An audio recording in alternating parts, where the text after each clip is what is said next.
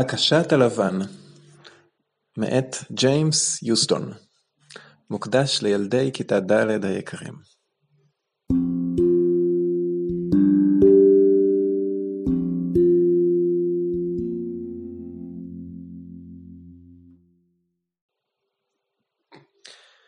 קונגו הרים את ראשו והקשיב בתשומת לב. אי שם במרחבים הלבנים הוא שמע צליל מוזר, בעודו קורע על יריעה של פרוות דוב לבן, הוא הזדקף והאזין בדריכות, אך הצליל לא נשמע שוב. הוא שב אם כן והתכופף, עד שראשו היה בגובה אחד עם החור הרחב שהיה פעור בקרח שלידו. דומם וחסר תנועה, הוא התבונן פנימה וחיכה. מבטו חודר את המעמקים הכחולים והאפלוליים של האגם הקפוא. לא עבר זמן רב, והוא הבחין בדג טרוטה גדול, השט וחולף בדממה מתחתיו. זנבו של הדג התנועע בעדינות בזרם, כשמדי פעם הוא מניע קלות את זימיו כזוג כנפיים קטנות כדי לייצב את עצמו. לאחר מכן החליק ועבר מתחתיו דג טרוטה נוסף, ומאחוריו שלושה דגים גדולים ריחפו כרוחות רפאים במים הקפואים. בהדקו את אחיזתו בחנית הדיג כפולת השיניים, כיוון אותה קונגו בזהירות, ונעץ את אמות מטה במהירות הברק. בליטות העצם של החנית החליקו על פני גבו של הדג הגדול ביותר, ושיניה המעוקלות אחזו בו היטב. אז משה קונגו את הדג המפרפר מחוץ למים, שחרר את שיני החנית וחילץ אותו. דג הטרוטה הגדול נפל על הקרח, פרפר פעמיים ואז שכב מזוגג ודומם, כשהוא כופה למוות כהרף עין על ידי הקור העז. אחותו של קונגו, שולו, החזיקה אף היא חכה קצרה וניסתה לדוג מעל חור אחר בקרח לא הרחק ממנו. כשהבחינה שאחיה תפס דג, היא חשה לעברו על פני הקרח המכוסה שלג. קונגו חייך כששולו הרימה את הדג הענק כדי לחוש את משקלו. אורכו של הדג היה כמחצית גובהה. גופו הנמוך והחזק של קונגו היה עטוי בפרקה ובמכנסיים נעים מאור כלבי ים, שאימו הכינה בשבילו. על רגליו נעל מגפיים צמודים יפים, אף הם מאור כלבי ים, שהגיעו עד לברכיו. שערו היה שחור מאוד, עיניו היו כהות מלאות חיים, וכשחייך, הבהיקו שיניו החזקות כנגד אור פניו השחום. אוויר הערב סביבם היה דומם וחד כגביש העלול להישבר בכל רגע על ידי הקור החודר. הגבעות הלבנות הנמוכות לצידו של האגם הקפוא הטילו צללים ארוכים על פני השלג, ושמי הערב להטו באש קפואה, בזמן שהשמש שלחה את קרניה האחרונות אל עבר הירח הדהוי. בהשתמשה במצקת עצם, מילאה שולו דלי עשוי אור כלבי ים במים מתוך החור שבקרח, והלכה בעקבות אחיה על גבי האגם הקטן הקפוא והמכוסה בשלג, אל עבר גבעה שהתנשאה מעל המחנה שלהם. כשהגיעו לראש הגבעה, הניח קונגו את הדג הכבד על השלג, ושולו הציבה את הדלי לצידו. השניים הביטו מטה אל ארבעת בתי האיגלו שהיוו את כפרם הזעיר, ואל השבילים הרבים שהתעכלו על פני השלג סביב הבתים. שתי מזחלות גדולות וכבדות היו מונחות הפוכות, חלקן התחתון כלפי מעלה, מוכנות שירטיבו את מוטות ההחלקה שלהן במים. המים יקפאו מיד לקרח קשה, וכך תוכלנה המזחלת להחליק בקלות על השלג. שלושה קיאקים עדינים מכוסי אור נחו על מעמדי אבן גבוהים, כדי שיימצאו מחוץ לתחום השגתם של שיני הכלבים החדות. בתי השלג נראו נטושים, והכלבים שהיו שרועים לידם, היו הנפשות החיות היחידות שנראו בסביבתם. אך גם הם רבצו בשקט כה רב, עד שנדמה היה שפוסלו באבן. שום דבר לא נע. הכל היה שרוי בשקט עמוק. משפחתנו תשמח לטעום מהדג הזה, אמרה שולו, זה הדג הראשון שתפסנו בירח הזה. לחייה היו סמוקות כגרונו האדום של טבלן הקוטב, ושערה השחור הארוך הבהיק ככנפי עורב. היא הייתה חזקה, מהירה ומלאה בשמחה ללא גבול. רגליה אמנם היו קצרות, אך קונגו ידע שהיא יכולה לרוץ מהר כרוח. כשהתחילו השניים לרדת במורד הגבעה, עצר קונגו לפתע ונעץ מבטו במרחק הכחול והקר. הוא הצביע על הנהר הרחב שהתעכל כשביל ארוך וקפוא מהמישור הפנימי של היבשת, דרך הגבעות הנמוכות, עד שהגיע אל המחנה שלהם שנמצא על שפת הים. את רואה? שאל. היא לא ענתה. עיניה סקרו את המרחב העצום. הנה, שם, משהו זז, הרחק במעלה הנהר, זו חייבת להיות להקת כלבים. ומכיוון שידע שהמזחלות והכלבים שלהם נמצאים במחנה, הוסיף, אלו חייבים להיות זרים הבאים ממרחקים. אבל מי יכול להגיע לבקר אותנו מהמישור של פנים היבשת? הקשיבי, הקשיבי, חזר ואמר. ואכן, כקולם המדוד של מים המטפטפים במרחב השקט, הם יכלו לשמוע במעומעם קריאות של נהג מזחלת, הר, הר, הר, המאיץ אי שם בכלביו קדימה. בהשתוקקם להיות הראשונים לבשר את בואם של האורחים למחנה המבודד שלהם, מיהרו קונגו ושולו במורד המדרון אל האיגלו של אביהם. כשהחשיכה כבר כמעט ירדה, עמדו כל הגברים, הנשים והילדים של המחנה הקטן, מצופפים יחדיו בחבורה דוממת, לפני בתי האיגלו שלהם, מוכנים לקבל את פני הזרים. באור הדועך, נגלתה לעיניהם מזחלת ארוכה וכבדה ששלושה גברים ישבו בה. המזחלת הגיחה מעבר לעיכול הנהר, והם צפו בשלושת האנשים הזרים חוצים את מישור הקרח שהרוח חשפה מהשלג, ומנהלים את להקת כלביהם במעלה הגדה התלולה. שניים מבין השלושה ירדו מהמזחלת ורצו משני צידיה, כשהם מתאמצים להנחות אותה בין הגושים והסלעים שבלטו על פני החוף הקרחי. השלישי, שהיה גם גדול בגופו מחבריו, נשאר חציו יושב, חציו שוכב, על גבי המזחלת. כשנכנסה להקת הכלבים הזרה לתוך המחנה, השתררה לרגע המולה פראית, ומיד לאחריה פרצה מלחמת כלבים. כולם נחלצו לעזרה, בעטו ומשכו בהם עד שהצליחו להפריד בין שתי הלהקות. לבסוף, נשכבה כל להקה במקומה, והכלבים הסתפקו לעת עתה בחשיפת שיניים ונעימה זה כנגד זה. שניים מהזרים פסעו קדימה כדי לברך את הנוכחים. הם היו אנשים מחוספסים, פניהם היו צרובות ושחומות מהרוח ומהקור, וגבות עיניהם לבנות מכפור.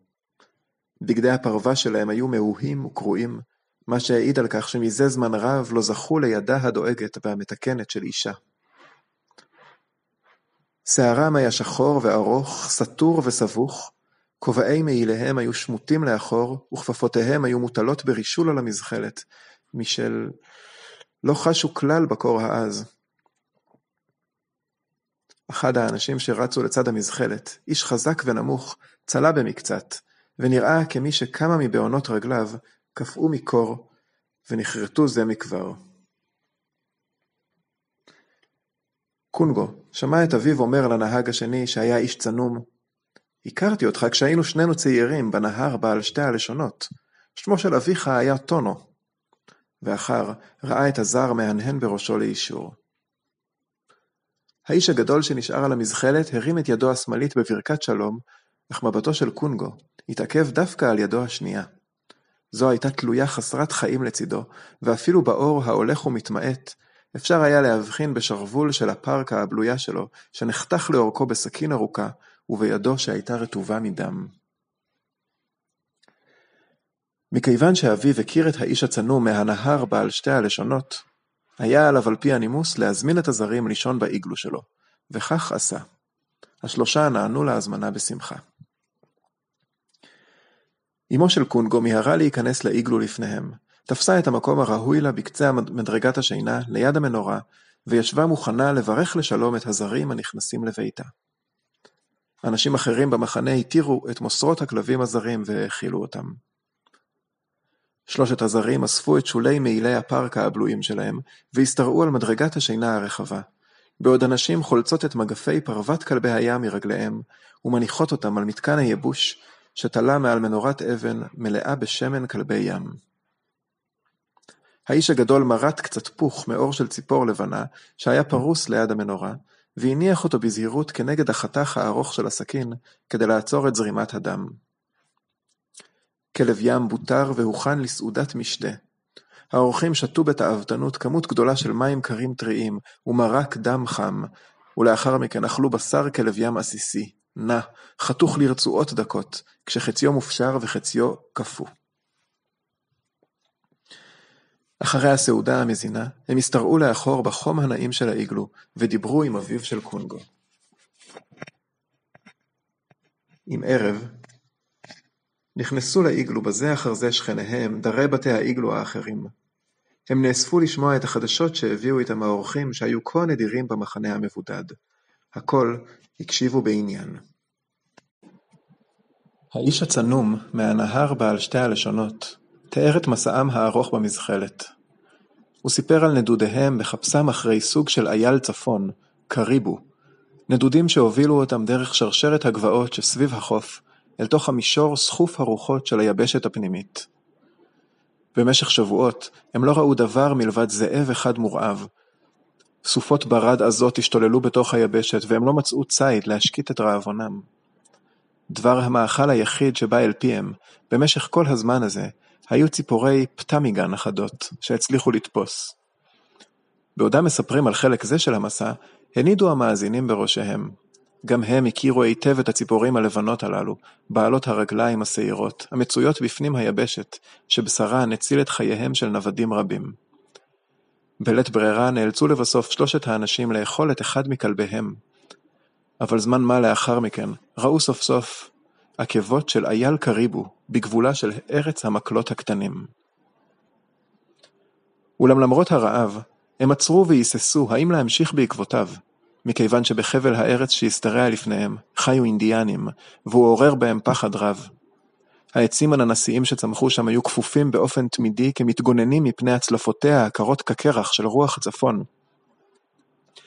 הם היו מועטים ופזורים זעיר פה זעיר שם, ואף לא אחד מהם היה גבוה מקומתו של אדם.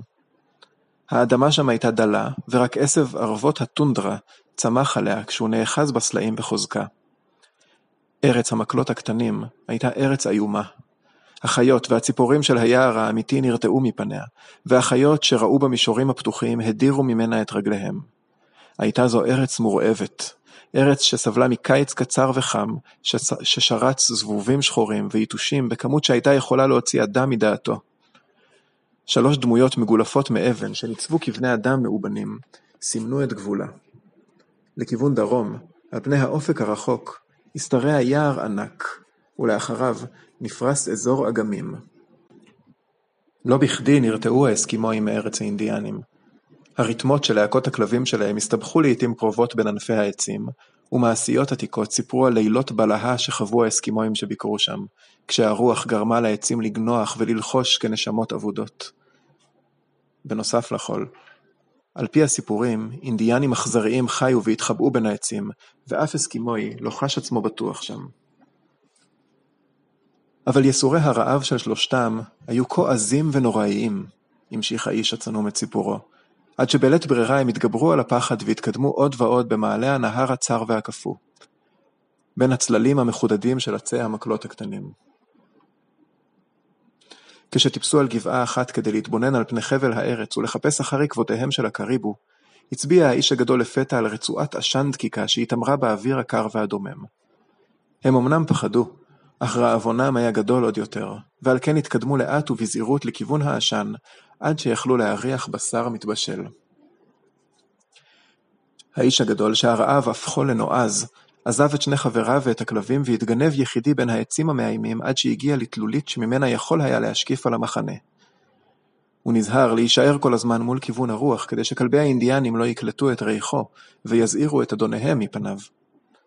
כשהגיע קרוב מספיק קרא על ברכיו כשהוא מוסתר על ידי העצים והשקיף על המחנה משעת הצהריים ועד שהאדימו שמי הערב. רק אז, בחסות החשיכה, חזר על עקבותיו כדי לספר לחבריו שהמחנה קטן, וכולל בסך הכל איש אחד גבוה מאוד, איש אחד זקן מאוד, אישה, ילדה ושני ילדים קטנים. במחנה היו רק ארבעה כלבים קטנים, הוסיף, שנראו כשועלים מורעבים. מלבד הכלבים הייתה להם גם מזחלת אחת, אוהל יריות אור קטן שהיה מתוח בין כלונסאות, ואורות סמור מפוארים שהיו מתוחים על מסגרות עץ לייבוש. אבל חשוב מכל, היה להם בשר קריבו קפוא שתלה בין העצים, במקום גבוה דיו שכלביהם הרעבים לא יוכלו להגיע אליו. אני מתכוון לקחת חלק מהבשר הזה הערב, אמר לחבריו, כי אני גווע ברעב. בהצביעם לכיוון דרום-מזרח, ענו לו שני האחרים, הבחנו בעשן של עשר מדורות מתעמר מעבר לגבעות ההן, ושמענו קולות של כלבים רבים. אנחנו מזהירים אותך, יש אינדיאנים רבים בסביבה. אני לא חושש מהם כלל, אמר האיש הגדול. אני מוכרח לאכול, אחרת אמות. האם תבואו איתי הלילה? שני הציידים האחרים היו מבוהלים, אך מכיוון שהייתה להם מזחלת אחת, לא הייתה להם כל דרך להיפרד ממנו, ולבסוף הסכימו לבוא איתו. באותו הלילה, לאחר שהפכו בזהירות את המזחלת הכבדה כדי לקבעה, לקבעה כעוגן, וקשרו אליה את הכלבים, הם התקדמו בשקט לעבר המחנה האינדיאני הקטן, כשהם צועדים בשורה עורפית דרך הארץ המפחידה והלא מוכרת הזו. בחוץ שרר קור אימים, ונדמה היה להם שהכוכבים סובבים ורוקדים בשמיים מעל לראשיהם. מדי פעם בפעם זהרו בשמי הלילה אורות קוטב ירוקים ומשונים, אשר נעו ונעלמו כעצות מכושפות תחת זרם מי הנהר. העצים ביער חרקו בחוזקה מעוצמת הכפור, כשהם משמיעים אנחות רמות. ושלג אבקתי דק שהצטבר על הענפים, צנח והתפזר כמטר על ההולכים מתחתם ללא כל אזהרה. צירופם של כל אלה מילא אותם חרדה והפך אותם מתוחים ונוחים לרגוז. לבסוף הם ראו בוהק כתום זהוב של מדורה, מבצבץ ומאיר מתוך האוהל האינדיאני. ניחוחו העשיר של בשר מתבשל הגיע לנחיריהם, והאיש הגדול לא היסס עוד וצעד קדימה בנחישות. שני האחרים נשארו להמתין בשולי קרחת היער. במשך זמן מה שררה דומייה סביב. אחר כך נבח כלב, ואחריו עוד אחד, והם שמעו קול של גבר קורא בהתרגשות בשפה בלתי מובנת. לפתע נשמעה צעקתה החדה של אישה וקולות היאבקות ועוד כלבים נובחים. מיד לאחר מכן שמעו את קולו של האיש הגדול הקורא להם, צועק את שמם שוב ושוב, והם רצו לעברו. בואם הבריח כנראה את האינדיאנים, שכן בהגיעם אליו לא ראו, שום, לא ראו שם איש מלבדו. האיש הגדול פסע וקשה לעברם דרך השלג הרך, ובידיו זוג ירחיים של קריבו. הם הבחינו בסכין שלו שהבהיקה באור הכוכבים, וראו דם על בגדיו. בראותם זאת, הסתובבו השניים ללא שהות לאחור, ושלושתם רצו בכל המהירות לכיוון המזחלת. עלו עליה ויצאו מיד לדרך. כל אותו הלילה הם דחקו בכלביהם, ונהגו את המזחלת לאורך הנהר הקפוא, עד שהגיעו בבטחה אל מחוץ לגבולות ארץ המקלות הקטנים. בבוקר נחו מעט ואכלו לשובע מבשר הקריבו הגנוב. לאחר מכן הם נתנו כמעט את כל שנותר ממנו לכלביהם המורעבים, והמשיכו בחיפזון בדרכם. כך המשיכו לדהור בנתיבו של הנהר הרחב והשטוח לכיוון הים וחוף המבטחים של מחנות האסקימואים. אבל המחנה שלהם, שליד הנהר בעל שתי הלשונות, לא חזרו. הם ידעו שהאינדיאנים אינם מעיזים להרחיק הרבה מעבר לארץ המקלות הקטנים, כיוון ששנאו את המישורים החשופים ורחבי הידיים של פנים היבשת, ופחדו מהם. על פני מרחביהם מוכי הרוחות איבדו בקלות את דרכם ונידונו לנדוד במעגלים אינסופיים. וכמו כן, התקשו למצוא שם אותות לאוהליהם או גזרי עצים למדורותיהם. אחרי ששמע את סיפורם עד תום, הביט אביו של קונגו בשלושת האנשים ולא אמר דבר. בעיניו הם פעלו בטיפשות מלכתחילה כשנכנסו מורעבים לארץ המקלות הקטנים וחיפשו בציד, ובוודאי שלא היו צריכים לגנוב או לפעול באלימות. הם הפרו את חוקי האסקימואים. באותו הלילה נטרפה שנתם של בני המשפחה ואורחיהם הבלתי רצויים. פעמיים התעוררו מזעקות הכאב של האיש הגדול. אולי בגלל פצע הסכין שבזרועו, ואולי בגלל חלום זוועות שהגיע ממחנה האינדיאנים לבעתו.